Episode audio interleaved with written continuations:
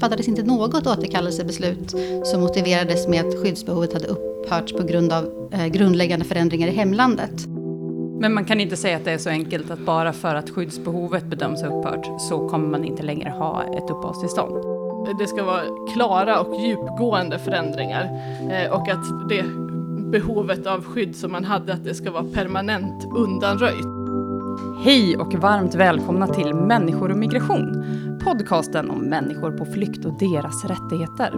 Mitt namn är Maja Dahl och jag är kommunikationsansvarig här på Asylrättscentrum som ger ut den här podden.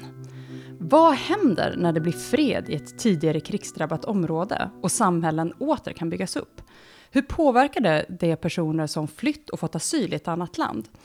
I den migrationspolitiska diskussionen pratas det allt mer om människor som en gång fått skydd, men enligt vissa borde återvända till länderna de flytt ifrån. Frågan om upphörande av skyddsbehov kommer att få allt större vikt nu när Sverige troligtvis kommer att tillfälliga tillstånd som norm och krav för permanent uppehållstillstånd. Men hur görs bedömningen om ett land är tillräckligt säkert att återvända till? Och hur länge kan man ha varit i ett land och ändå behöva åka tillbaka till sitt hemland? Vad händer med alla de som flytt till Sverige från Syrien om landet skulle anses vara tryggt att återvända till?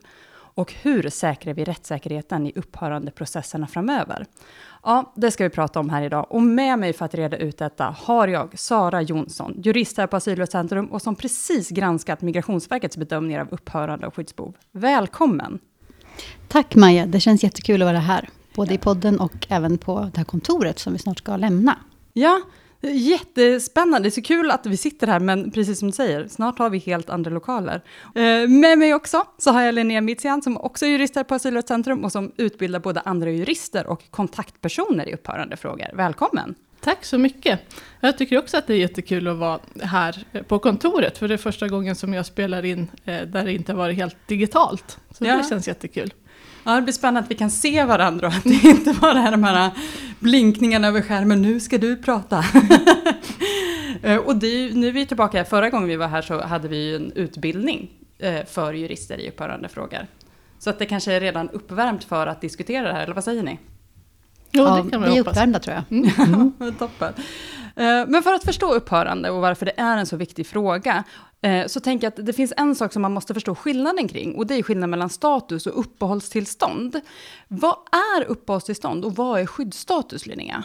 Ja, det är ju två begrepp som man eh, måste hålla koll på och också hålla isär, och som i svensk rätt kanske har varit alltså där har det varit mer fokus på uppehållstillstånd eh, än status. Men om man ser liksom till de legala definitionerna som vi jurister ju brukar gilla. Eh, men mm. när det gäller just uppehållstillstånd så är det om man tittar på utlänningslagen ett eh, tillstånd att vistas i Sverige under viss tid eh, eller utan tidsbegränsning. Eh, så det är alltså tidsbegränsade eller permanenta uppehållstillstånd eh, som det handlar om. Eh, och jag skulle väl liksom ut, utöver den de, definitionen säga att det, alltså det är ju en, en, form av bevis för en persons rätt eh, att vistas i Sverige. Eh, sen för att liksom kom, eh, också komplicera bilden lite mer så kan man också säga att det faktiskt inte Eh, alltså, vissa personer har rätt att vistas i Sverige utan uppehållstillstånd, men jag ska inte gå in mer på den frågan för jag tror att det kanske blir eh, ja, ännu mer. Eh, vi begrepp. håller det enkelt helt ja, enkelt. Ja, men vi, vi, vi, gör det. Jag tror att det kan vara bra. Det kan vara svårt nog att hålla tungan rätt i munnen med liksom, begreppen kring upphörande och återkallande och sånt som vi kommer att gå vidare med här också. Mm. Eh, men vad man kan säga då om uppehållstillstånd är ju att man kan ge det på olika grunder. Eh, dels så är det ju att man kan få uppehållstillstånd på grund av ett skyddsbehov. Mm. Eh, och det kommer vi ju att prata om lite mer, men det är ju alltså som flykting eller som alternativt skyddsbehövande som nuvarande regler ser ut med den tillfälliga lagen. Men man kan ju också få uppehållstillstånd på en massa andra grunder. Eh, det kan ju vara till exempel familjeanknytning eller att man har arbete i Sverige eller sådana saker. Så, så det är liksom, ja, det, och längden på uppehållstillstånd och så, det, det bestäms egentligen liksom av alltså vilken tillståndsgrund man får uppehållstillstånd på. Mm. och ibland så kan det också vara just att man kanske har, eh, ja, när det gäller som skyddsbehov till exempel så finns det också EU-rättsliga minimistandarder på det. Mm. så det är väl liksom i, ja nu kanske inte blev så jättekorta drag, men i alla fall något sådana här korta drag var uppehållstillstånd där. Jag har hört jurister uttrycka sig längre, så det här var perfekt. Härligt. Eh, men när man då alltså, ser till alltså, statusförklaring eh, och liksom vad, vad, man säger om det i utlänningslagen, eh, så är det att alltså, det är någonting som ska ges till en utlänning som med åberopande av skyddsskäl har ansökt om uppehållstillstånd eh, och uppfyller definitionen för att vara flykting eller alternativt skyddsbehövande. Eh, så alltså personer som har ett behov av skydd i Sverige då. Eh, och de här begreppen har EU-rättslig eh, bakgrund och även eh, ja, längre tillbaka än så också. Men det finns uttryckt i Eh, alltså EU-rätten. Och om man tittar på eh, skyddsgrundsdirektivet och EU-rättsliga definitionen av det, så är det en medlemsstats erkännande av en utlänning som en person som uppfyller kraven för att eh, betecknas som flykting eller alternativt skyddsbehövande. Så det är liksom ja, men, erkännande eh, mer än ett bevis, skulle jag säga. Ja, jag vet inte riktigt om... Eh, ja, det... Ja, men jag, ja, tror, jag, jag tror ja. att jag hänger med på skillnaden. Men när ja. man då pratar om upphörande, vad är det som upphör, Sara? Och det är en väldigt bra fråga. Um, ibland kan det kännas lite snurrigt även för oss som arbetar med frågorna. Men man kanske skulle kunna uttrycka det ungefär så här. Att uh, själva statusförklaringen är inte begränsad i tid, men den kan återkallas. Och uh, upphörande är en av flera grunder för återkallelse av statusförklaring. Eh, och tar sikte just på situationen där en person rätteligen har beviljats skyddsstatus, men skyddsbehovet av olika orsaker har upphört. Eh, så det är alltså själva skyddsbehovet som upphör. Eh, och det kan ske med anledning av den enskildes eget handlande eller på grund av ändrande förhållanden. Mm. Och om skyddsbehoven då bedöms ha upphört, vad händer då med uppehållstillståndet? Ja, eh, här får jag väl dra till med det här andra juristsvaret, när det inte finns liksom något klart svar, att ja. det beror på, eh, helt enkelt. Och alltså, generellt sett så kan man säga att det inte automatiskt är så att ett uppehållstillstånd upphör eh, och sen kan återkallas för att eh, själva skyddsstatusen har upphört. Eh, eftersom det finns regler för att återkalla uppehållstillstånd och de harmoniserar inte riktigt med, med liksom grunderna för att återkalla eh, alltså, statusförklaringar. Mm. så så, så där, där är det en skillnad. Eh, men man kan säga en, en situation där det eh, alltså går ihop är till exempel om man har lämnat oriktiga uppgifter eh, och på grund av det har fått en status och ett uppehållstillstånd. Eh, då kan grunden vara detsamma. Men sen eh, när det gäller personer som har beviljats eh, permanent uppehållstillstånd i andra fall då är det vanligtvis så att alltså, bara för att en status har upphört så är det liksom inte grund att återkalla själva uppehållstillståndet. Men när det gäller personer som har beviljats tidsbegränsade uppehållstillstånd, då, då är det egentligen samma sak. Det finns inte liksom någon grund för att återkalla uppehållstillståndet eh, vanligtvis. Eh, men ett eh, tidsbegränsat uppehållstillstånd löper ju ut och då kan det ju vara så i förlängningen Eh, att då kanske man, om man då inte har ett skyddsbehov, eh, så kan det ju vara så att man av den anledningen inte får uppehållstillståndet förlängt. Eh, men det måste ju också prövas eh, andra grunder eventuellt för uppehållstillstånd och så. och också, eh, som vi kommer att prata mer om här också, så krävs det ju en, en del för att även status ska anses upphöra. Mm. Men, men det kan vara bra att känna, känna till. Men man kan inte säga att det är så enkelt att bara för att skyddsbehovet bedöms ha upphört så kommer man inte längre ha ett uppehållstillstånd. Nej, så kan det vara, utan det beror på. Ja, men vi kommer ju gå in djupare på vad som krävs då för att skyddsbehov ska upphöra. Men innan vi gör det så, Sverige har ju i och med tillfälliga haft tillfälliga tillstånd som norm och kommer med största sannolikhet efter omröstningen nu i riksdagen även fortsättningsvis ha tillfälliga till, tillstånd som norm. På vilket sätt påverkar det hur frågan om upphörande, upphörande kommer att utvecklas, Sara? Ja, um det återstår att se såklart, men tidsbegränsade uppehållstillstånd leder ju till fler prövningar och fler beslut. Eh, och om och när det införs försörjnings och språkkrav för att få permanent uppehållstillstånd så kan vi anta att en del skyddsbehövande inte kommer att klara de här kraven. Eh, och då kommer de att vänja sig vid att befinna sig i en närmast konstant förlängningsprocess. Eh, och det kan såklart leda till påfrestningar för de, de enskilda, de som drabbas, men också för Migrationsverket och för domstolarna som får väldigt många ärenden på sitt bord. Mm. Eh, så min gissning är att det kommer fattas fler beslut om återkallelse på grund av upphört skyddsbehov framöver. Ehm, men jag tror också att vi kommer att få mer praxis på området. Och mm. Migrationsöverdomstolen har beviljat prövningstillstånd i ett mål gällande förutsättningarna för att återkalla en alternativ skyddsstatusförklaring. Eh, och vi väntar just nu på ett avgörande. Och det kommer bli väldigt viktigt, inte bara för den person det gäller, eller ens för den så kallade aging out-frågan, som vi kanske kommer återkomma till. Eh, men också på ett större plan, beroende på hur eh, kammarrätten kommer att förhålla sig till UNHCRs intervention i målet. Eh, för det är så att UNHCRs riktlinjer och Migrationsverkets rättsliga styrning inte alltid är fullt samstämmiga. Mm. Och vi kommer ju prata mer om Migrationsverket eh, och deras bedömningar sen, för du har ju granskat det här i en rapport som vi precis har släppt. Men, men en sak som jag tänkte på, att förra avsnittet så hade vi Anna Lindblad med oss från Migrationsverket och hon pratade ju om att man kommer allt mer bli en liksom förlängningsmyndighet. Kommer man därmed också bli en upphörande myndighet? Kan man säga så? Kan man nog ändå hoppas att det inte blir så. Nej. Det är inte tanken, utan det är ändå två olika prövningar, mm. olika rekvisit då mm. för, eh, för uppehållstillstånd och upphörande. Mm. Ja, men det är, bra, det är bra att ha det i bakhuvudet. Mm. Men sagt, vi kommer prata mer om, om eh, Migrationsverkets bedömningar sen.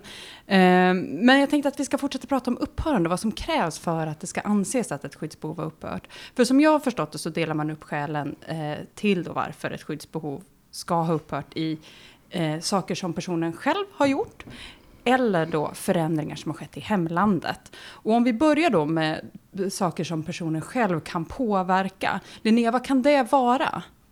Ja, det är kanske alltså tydligaste och vanligaste eh, exemplet på det, det är personer som har beviljats flyktingstatus eh, och sen har olika former av kontakter med eh, sitt hemland. Eh, kanske åker dit eller ansöker om pass eller den typen av liksom, handlingar.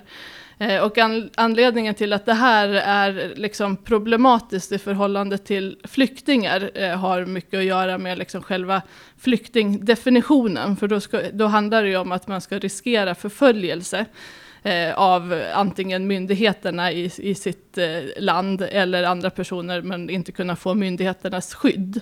Eh, så av den anledningen så blir det ju ja, problematiskt eh, att sen liksom återvända till de myndigheterna och sånt. Mm. så. Eh, men, men det kom, kommer vi också komma tillbaka till att det är ju inte riktigt så så enkelt. Det är ju sällan Nej, enkelt. Det, det, det, är ju också det, men, men, det är väl liksom den, eh, den vanligaste mm. situationen. Mm. Men det kan också vara till exempel att en person får medborgarskap i ett annat land. Eh, mm. Eller liksom bosätter sig tillbaka i ett mm. tidigare land och sånt. Men, men jag skulle säga att det här med kontakter med eh, forna hemlandets myndigheter är det vanligaste. Mm. Om en person då åker till sitt hemland, trots att den då till exempel har fått skydd som alternativ skyddsbehövande i Sverige, innebär det då automatiskt att den inte längre behöver skydd i Sverige, Sara? Nej, men det behöver det inte göra. Utan tillämpning av upphörande grunden att då på nytt frivilligt begagna sig av hemlandets eh, skydd, eller nationellt skydd som det heter i flyktingkonventionen, har tre förutsättningar. Mm. Eh, det är frivillighet, avsikt och återupptagning av nyttjande. Alltså flyktingen måste alltså få ett sådant skydd. Eh, men för att alternativt skyddsbehov ska upphöra så ser kriterierna annorlunda ut i svensk rätt och EU-direktiv. Eh, så det är mindre fokus på den enskildes eget handlande. Utan upphörande aktualiseras istället om de omständigheter som medförde att personen bedömdes som skyddsbehövande inte längre finns eller att de har ändrats i sån omfattning att skydd inte längre behövs. Mm. Så att det, är, alltså, det går inte att säga att här, om man åker dit så har man använt det här landets skydd på ett sätt som gör att du inte längre kan skydda Sverige. Nej, utan det krävs då att det är eh, till exempel frivilligt. Ja. Mm. Um, Finns det någonting som ni tänker att, att vi har ju, många av de som lyssnar och många av de vi pratar med har ju kontakter och stöttar asylsökande och före detta asylsökande i, i Sverige. Finns det någonting som de bör känna till och förmedla till personer som de hjälper för att de inte liksom, av misstag skulle råka förlora sin skyddsstatus? Ja, det, det är väl att eh, vara försiktig i kontakter med till exempel eh, alltså hemlandets ambassader och sånt Mm. där. Sen kan det ju många gånger finnas liksom helt giltiga skäl till varför man, man vill ha det. Liksom. Mm. Eh, men men jag, jag skulle nog tänka mig att det kan vara bra och i sådana fall kanske ha en dialog med Migrationsverket liksom, och, och vara vara tydlig med liksom, vad och alltså, Mm. varför och så. Eh, sen så också så går det alltid att eh, försöka söka, ja, men söka råd från oss på Asylrättscentrum till exempel. Eh, för vi kan ju ge rådgivning eh, och beroende på liksom, omständigheterna i personens ärende så kan vi liksom se vad som, hur, hur vi skulle bedöma Mm. liksom, risken kontra nyttan till exempel. Mm. Och jag tänker att många sitter och lyssnar och säger, men om man en gång har lämnat ett land, varför skulle man vilja ens ha kontakt med hemlandet? Vad, vad skulle ni säga, vad är de vanligaste orsakerna till att man ändå, ja, man kanske reser tillbaka eller skaffar pass och så? Och det kan ju vara att man behöver ett helt annat eh, syfte, alltså till exempel styrka sin identitet eh, i förhållande till att man vill söka svenskt medborgarskap till exempel. Eh, kan ju vara en sån situation. Det kan ju också, något, ett exempel som jag vet att jag har sett är också kanske att man skulle behöva ansöka om skilsmässa till exempel i, i sitt tidigare hemland och liksom inte kan få det erkänt på ett annat sätt. Mm. Så, så det kan ju liksom finnas fi- finnas många skäl till det som inte har liksom egentligen någonting att göra med att man vill ha kontakt med landet i fråga igen. Mm. Det, andra skälet eh, vi pratar om då när det gäller upphörande eh, är ju då förändringar i hemlandet. Och en fråga som diskuteras mycket i Sverige är ju då frågan om syrier kan börja återvända. Kan man, kan man säga något om vad som måste förändras i Syrien för att man ska kunna bedöma att skyddsbehoven för någon därifrån ska ha upphört, Sara? Ja, alltså det talas ju mycket om den frågan men så som jag har förstått det hela så är det inte ens i närheten egentligen av att bli aktuellt eh, i Sverige med nuvarande, liksom, om vi ska följa gällande rätt. Det skulle behöva inträffa sådana grundläggande förändringar eh, som kan antas till att grunderna för fruktan för förföljelse inte längre existerar. Ehm, så det skulle i princip krävas att den nuvarande Assad-regimen faller, att det syriska folket genom demokratiska val utser nya ledare som respekterar mänskliga rättigheter. Ehm, alternativt att Assad helt byter spår, lägger ner vapnen, krokar arm med sina politiska motståndare och eh, vinner människors förtroende. Ehm, men det förefaller ju mindre troligt. Men det finns ju, just, just Syrien har ju varit en liksom, aktuell fråga i svensk migrationsdebatt väldigt länge, så förklarar jag själv. Men det kom ju ett rättsligt ställningstagande att man inte längre ska ge alla och en var eh, uppehållstillstånd då, som, som söker från Syrien.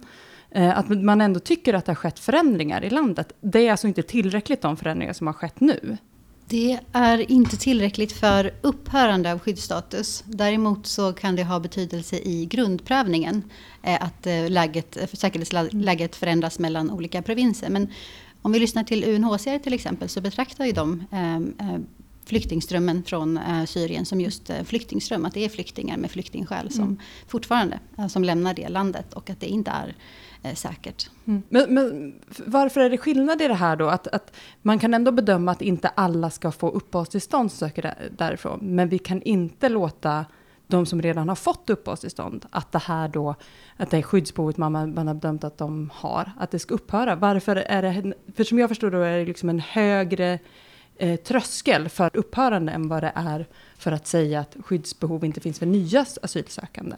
Just det, det där är ju väldigt intressant. Och vi pratar ju om lite olika frågor nu. Vi pratar Ja. kanske om bevisfrågor, men vi Ja. pratar också om i grunden egentligen att det är olika kriterier. Det är olika lag, eh, det är en annan lag.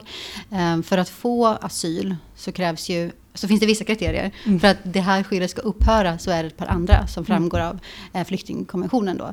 Så att det är inte samma bedömning, även om det finns också de som förespråkar att det ska vara en så kallad spegel-approach, så att det skulle vara samma kriterier ungefär. Men, men så ser det inte ut i lagtext. Nej, och sen är det ju också en skillnad i det som man brukar kalla bevisbörda. Eh, Också just det. Eh, att eh, när det gäller liksom att eh, alltså en person som kommer till Sverige och, och söker asyl eh, har det som kallas för bevisbördan och ska göra sannolikt att eh, personen har ett behov av skydd. Eh, men när det gäller upphörande så, så ligger det på Migrationsverket istället. Mm. Så, så det är också en skillnad, liksom rent processuellt. Ja, det är en viktig skillnad. Mm. Det är avgörande. Eh, om man då, du var inne på det här med att, man ska, att säkerhetsläget ska då, jag har ju hört den här frasen, det ska vara varaktig och bestående förändring. Eh, kan man säga något konkret om vad det innebär, Linnea?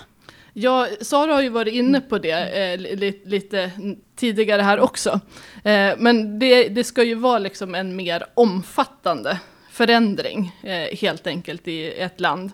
Eh, man brukar prata, det ska vara klara och djupgående förändringar eh, och att det behovet av skydd som man hade, att det ska vara permanent undanröjt, eh, pratar man om. Eh, så det är ju ganska höga eh, krav liksom. Eh, och det, alltså, precis som Sara var inne på, så skulle det kunna vara precis som liksom, exemplet Syrien. Eh, att, alltså, att liksom, själva källan till förföljelsen är helt undanröjd till exempel. Kanske mm. ja, men, avsatt eh, regim eller liknande. Eh, eller att, att liksom, säkerhetssituationen i ett land har förbättrats så eh, mycket så att man kan få skydd från myndigheterna till exempel i ett land där man inte har kunnat få det tidigare. Så det ska liksom röra sig om ja, ganska mycket. Mm. Och jag tänker att vi går vidare och pratar, för nu har vi lite bättre koll på liksom vad själva upphörande är och vad som kan krävas för upphörande. Men det är, ju, det är ju Migrationsverket i Sverige som gör de här bedömningarna. Och Sara, du har skrivit en rapport där du granskat då alla de upphörande beslut som Migrationsverket tog under en sex månaders period.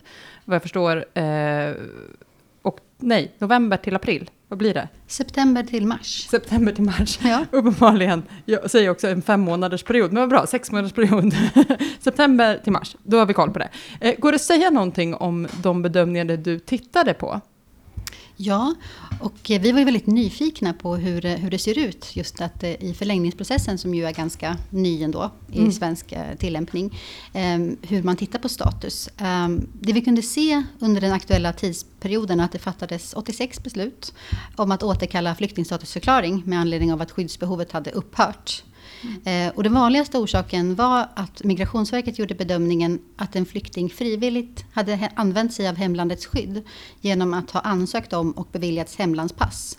Eh, och i många fall så hade den här passhandlingen också använts för att resa. Mm. Under samma tidsperiod fattades 24 beslut om att återkalla alternativ skyddsstatusförklaring därför att skyddsbehovet hade upphört. Eh, och det vi såg där var att, eh, att ett afghanskt barn som beviljas status som alternativt skyddsbehövande i enlighet med principerna i ett avgörande för Migrationsöverdomstolen, eh, att det barnet hade blivit vuxet var den absolut vanligaste orsaken till att skyddsbehov ansågs ha upphört. Är det det man pratar om som aging out? Det stämmer. Aha. Mm. Och vad tänker du då? Var det någonting som liksom stack ut i den granskningen som du gjorde? Ja, eh, jag kunde konstatera eh, dels då att det har fattats betydligt fler eh, beslut om att upphäva om återkallelse av flyktingstatus på grund av upphörande. Men det var ganska få beslut som initierades inom själva förlängningsprocessen. Kanske lite tvärt emot vad vi hade trott. Mm. Om man enbart ser till den här förlängningsprocessen, då ser det omvänt ut. Då var det upphörande av alternativt skydd som var det vanligaste. Och kanske en av de stora eh, fynden, eh, tyckte vi, eh, som vi då med viss förvåning och eh, lättnad kunde konstatera att det fanns inte, fattades inte något återkallelsebeslut som motiverades med att skyddsbehovet hade upphört på grund av grundläggande förändringar i hemlandet. varken för flyktingar eller alternativt skyddsbehövande. Apropå den, den decision som vi, som vi nu har mm. om till exempel Danmark. Ja, och det kan väl vara värt också att understryka här att det, det är ju eh, så att man inte blir all, alltför orolig för mm. liksom, förlängningsprocesser och sånt. Att, eh, än så länge så är det ju ganska ovanligt mm. eh, att, att status bedöms ha upphört eh, trots allt. Mm. Så så, så det, de allra flesta som alltså söker uppehållstillstånd och förlängt uppehållstillstånd får ju det. Mm. Så det, men, men som sagt, det, man vet ju inte hur det kommer att utveckla sig i framtiden. Men, men så ser det ut nu i alla fall. Mm. Ja, jag tänker att det är jätteviktigt att ha med sig att eh, det vanligaste är ju att eh, både status, eller att statusen står kvar och att uppehållstillståndet förlängs. Mm. Men det som är intressant nu när vi pratar om att det liksom inte har varit några granskningar, eller varit några upphörande beslut på grund av att förändringar i hemlandet är ju också att jag tror att många som lyssnar också tänker på att den här perioden vi har tittat har ju varit under en pandemi. Kan det ha påverkat de här bedömningarna? Om jag ska gissa så skulle jag säga eh, nej. Det finns inga hänvisningar till pandemin på något sätt. Och när vi pratar om grundläggande förändringar så är, det, eh, så är pandemin inte en sådan. Eh, vad Nej. vi vet. Utan jag tror inte att det har påverkat eh, bedömningarna i de beslut som jag har granskat. Mm. Det tror jag inte. Ja, vad bra. Men en slutsats som, som Sara, du, som du drar i rapporten är att de bes, besluten som du tittar på, de spretar något. Eh, samt att det finns väldigt få hänvisningar som görs till annan praxis än avgörande från Migrationsöverdomstolen.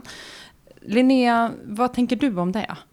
Ja, eh, alltså eh, Ja, jag kanske blir både eh, förvånad och inte så förvånad. För det här är ju ett område där det faktiskt inte finns så mycket eh, praxis. Eh, det finns ett par avgörande från eh, EU-domstolen i och för sig som kan vara värt att nämna. Mm. Och ett avgörande från Migrationsöverdomstolen egentligen.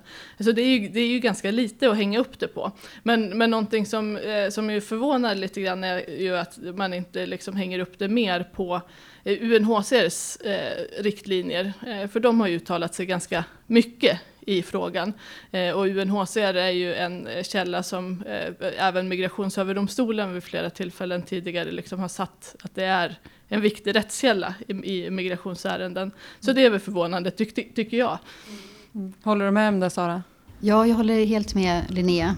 Ehm, men det är oroväckande att vi ser en sådan spretighet. Ehm, dels på grund av att det finns ändå ganska mycket ledning från UNHCRs riktlinjer.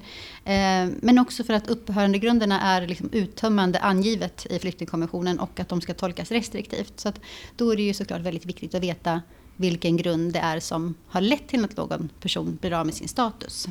Ehm, så kanske är det så att det behövs ytterligare metodstöd och rättslig vägledning för eh, för den operativa verksamheten på Migrationsverket, men kanske också domstolarna. Ja, om man nördar in sig på lag... Eh, texten och formuleringar så kan det också vara intressant att känna till eh, att eh, alltså den svenska lagtexten eh, när det gäller just kanske särskilt återkallelse av både uppehållstillstånd och statusförklaring är ganska sparsmakad och alltså ganska otydlig också. Jag vet att Migrationsverket, just precis som Sara var inne på, just att det är alltså uttömmande för eh, alltså för hur man kan återkalla eh, och när status upphör. Mm. Eh, och det här är ganska otydligt i liksom den svenska lagtexten.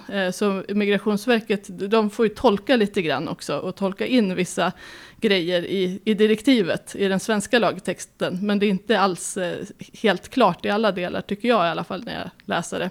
Mm.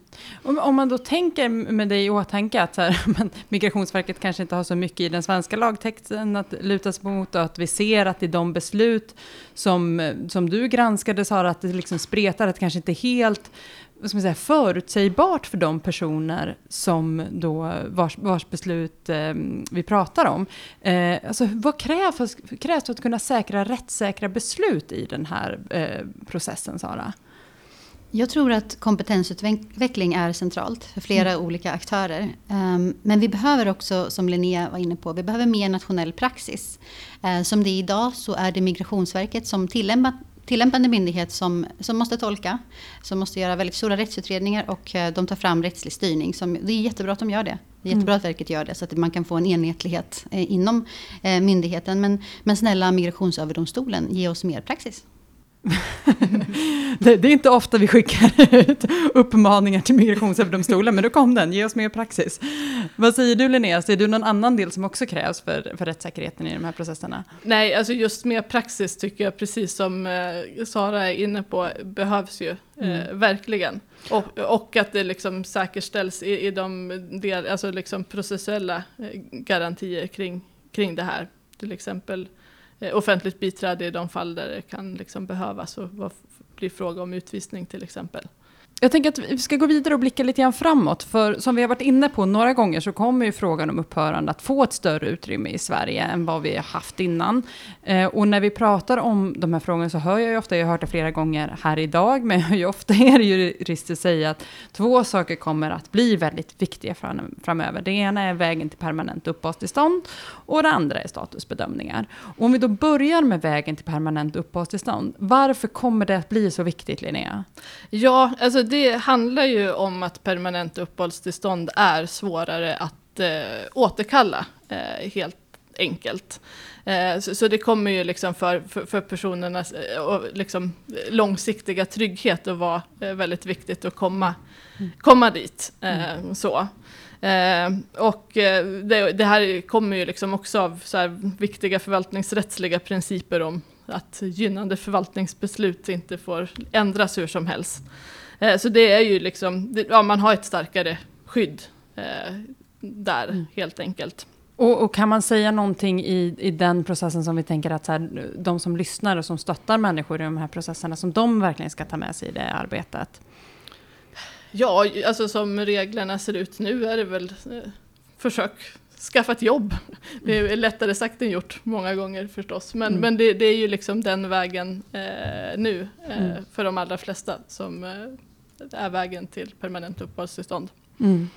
Och Sara, då, om vi tittar på den andra delen, Eh, statusbedömningarna, varför kommer de spela en så viktig roll? Eh, men det är tydligt att flyktingstatus medför ett starkare skydd för den enskilde. Eh, och jag tror att det är ganska välkänt att eh, status exempelvis kan spela en stor roll för möjligheten att få återförenas med sin familj i asyllandet. Eh, men det har också betydelse för när, när statusen kan återkallas. Så det är jätteviktigt att flyktinggrunderna prövas omsorgsfullt. Även om personen i fråga, till exempel på grund av en väpnad konflikt, kanske inte kan återvända till sitt hemland och i och för sig uppfyller kriterierna för att beviljas alternativ skyddsstatusförklaring. Så, Ehm, så flyktingstatusen innehåller fler rättigheter och ett starkare skydd. Ett tillägg eh, man skulle kunna göra är att även om det skulle vara så att eh, uppehållstillstånd och status återkallas så kan det ändå finnas hinder mot att utvisa en person eftersom det finns ett absolut förbud mot att ja, men att återsända någon till en plats där hen riskerar att utsättas för exempelvis tortyr eller dödsstraff. Eh, så det kan vara bra att ha med sig. Och om det är så att utvisning blir aktuellt eller att eh, ehm, det aktualiseras då, då har den sökande rätt till ett offentligt biträde, eh, mm. rättshjälp. Det är ett jättebra tillägg. Och det börjar ju tyvärr bli dags att runda av det här samtalet. Men är det någon sista grej som ni tänker så att det här måste man ha med sig framöver kring den här frågan? Jag tänkte på en sak gällande varaktiga och bestående förändringar och varför det ska krävas eh, så pass eh, tydliga förändringar i en persons hemland för att det ska vara eh, relevant att återkalla status. Det finns ju jättemånga anledningar till det, men, men en anledning är ju att om personer återsänds till ett konfliktområde till exempel, eller ett, ett område där mänskliga rättigheter kränks, Eh, för tidigt, innan de här eh, förändringarna är varaktiga och bestående, då kan det leda till nya flyktingströmmar. Alltså att samma person måste fly igen och igen. Det kan destabilisera redan känsliga områden och eh, leda till väldigt, leda till väldigt stort lidande. Mm, det är en bra tanke att ha med sig. Tack så mycket. Linnea, är det någonting du vill att vi tar med oss? Det, det, jag instämmer i det eh, Sara så eh, klokt eh, sa. Det är en jätteviktig sak att ha med. Toppen, tack så mycket. Och med det sagt så är det dags att avrunda dagens samtal. Och nu sitter vi här tillsammans, så vi har ju redan hunnit avhandla några av de här frågorna som man vill prata om. Men om vi träffades lite oftare här på kontoret vid vår kaffeautomat, vilka migrations relationsfrågor skulle ni vilja prata om då? Sara? Jag undrar precis som många andra, vad är det som händer i Danmark? Eh, hur tänkte Folketinget när de röstade igenom regeringens förslag om att i princip helt stoppa asylmottagandet på dansk mark? Är det verkligen praktiskt och juridiskt möjligt att outsourca asylprövningen till ett tredje land? För EU umgicks ju för några år sedan med liknande tankar, eh, men konstaterade sedan att det inte var en framkomlig väg. Ehm, och hur kunde Danmark släppa demokratikriteriet för det här odefinierade eh, tredjelandet?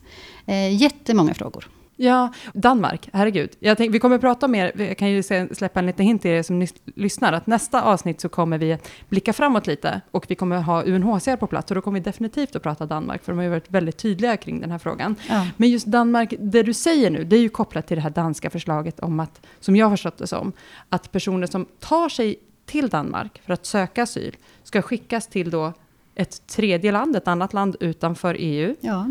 Och där ska asylprocessen ske. Och om de får asyl ska de vara kvar där. Ja. Så deras asyl och uppehållstillstånd i Danmark, det är ju ytterst oklart hur det här är en del av den danska migrationspolitiken. Ja, Jo, det är mycket som är oklart. Och eh, det, skulle vara, det ska bli jätteintressant att höra när du Ja. pratar om det med de som vet mer. Ja, jag, jag tänker att ni vet väldigt mycket om det också, men jag håller ju med dig att det är ju verkligen någonting man skulle vilja grotta mer i det och framförallt, hur kunde det gå igenom? Ja. Ja.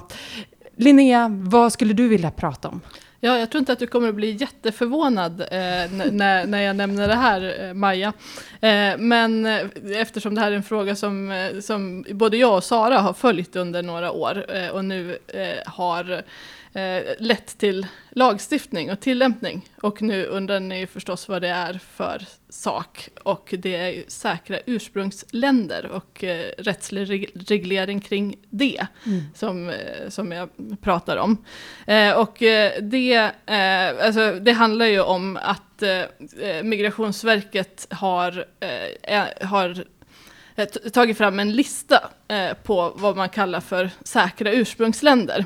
Eh, alltså eh, länder som man liksom vanligtvis inte eh, ska bedömas ha asylskäl från. Eh, och det är också en, en förutsättning för att kunna eh, alltså, använda det som kallas för påskyndade förfaranden. Alltså att man ska kunna avvisa personer eh, från Sverige eh, innan beslutet har prövats i alla instanser.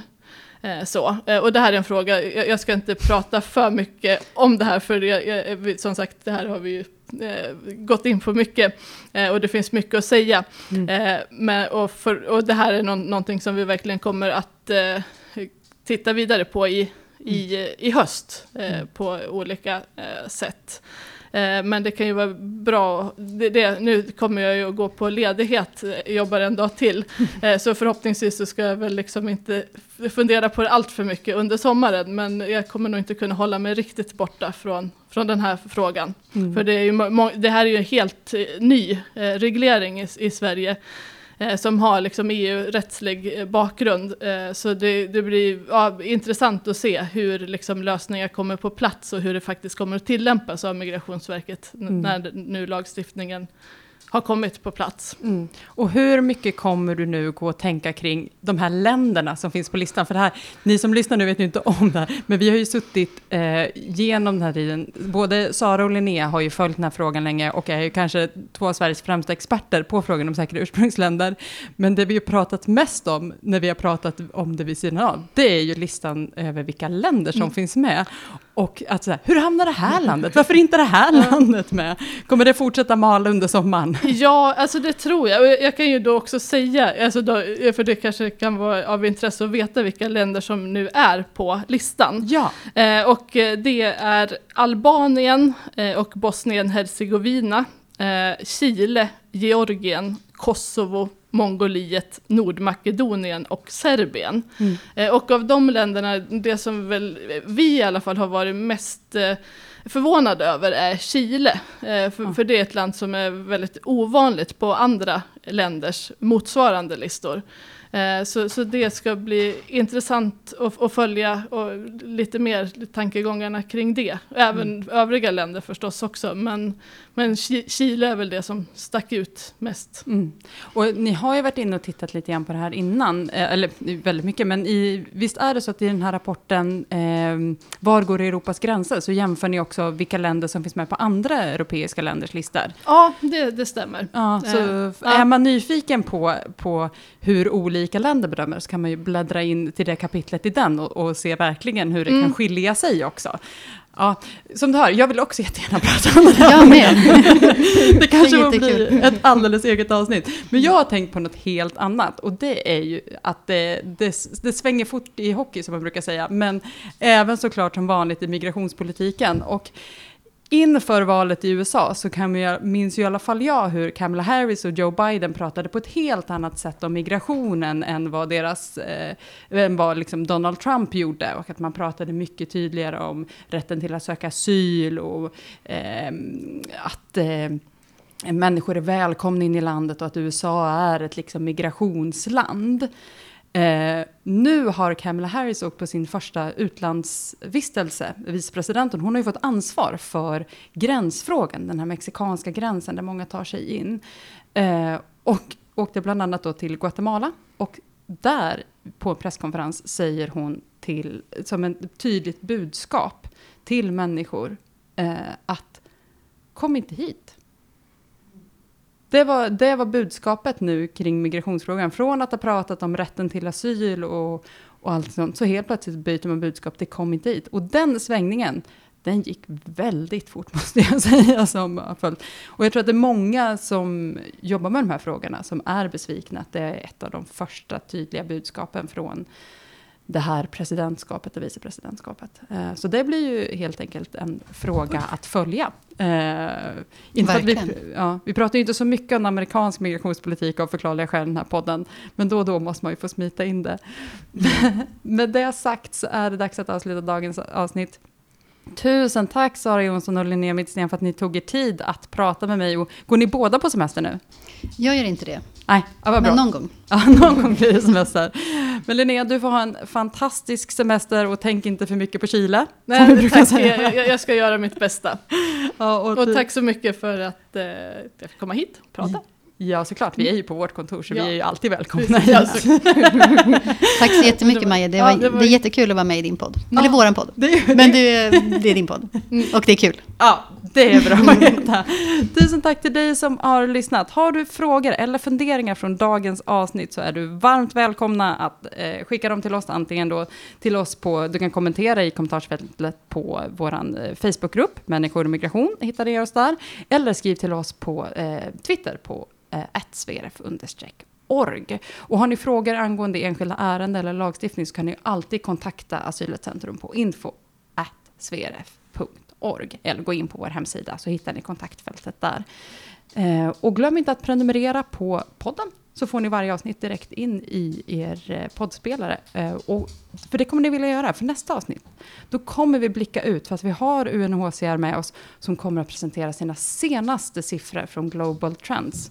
Deras stora årliga rapport om hur det ser ut för flyktingar i världen. Och det, ja men det vill man faktiskt inte visa. Och jag kan nog också skicka den lilla teasern att våra nya generalsekreterare kommer att gästa podden.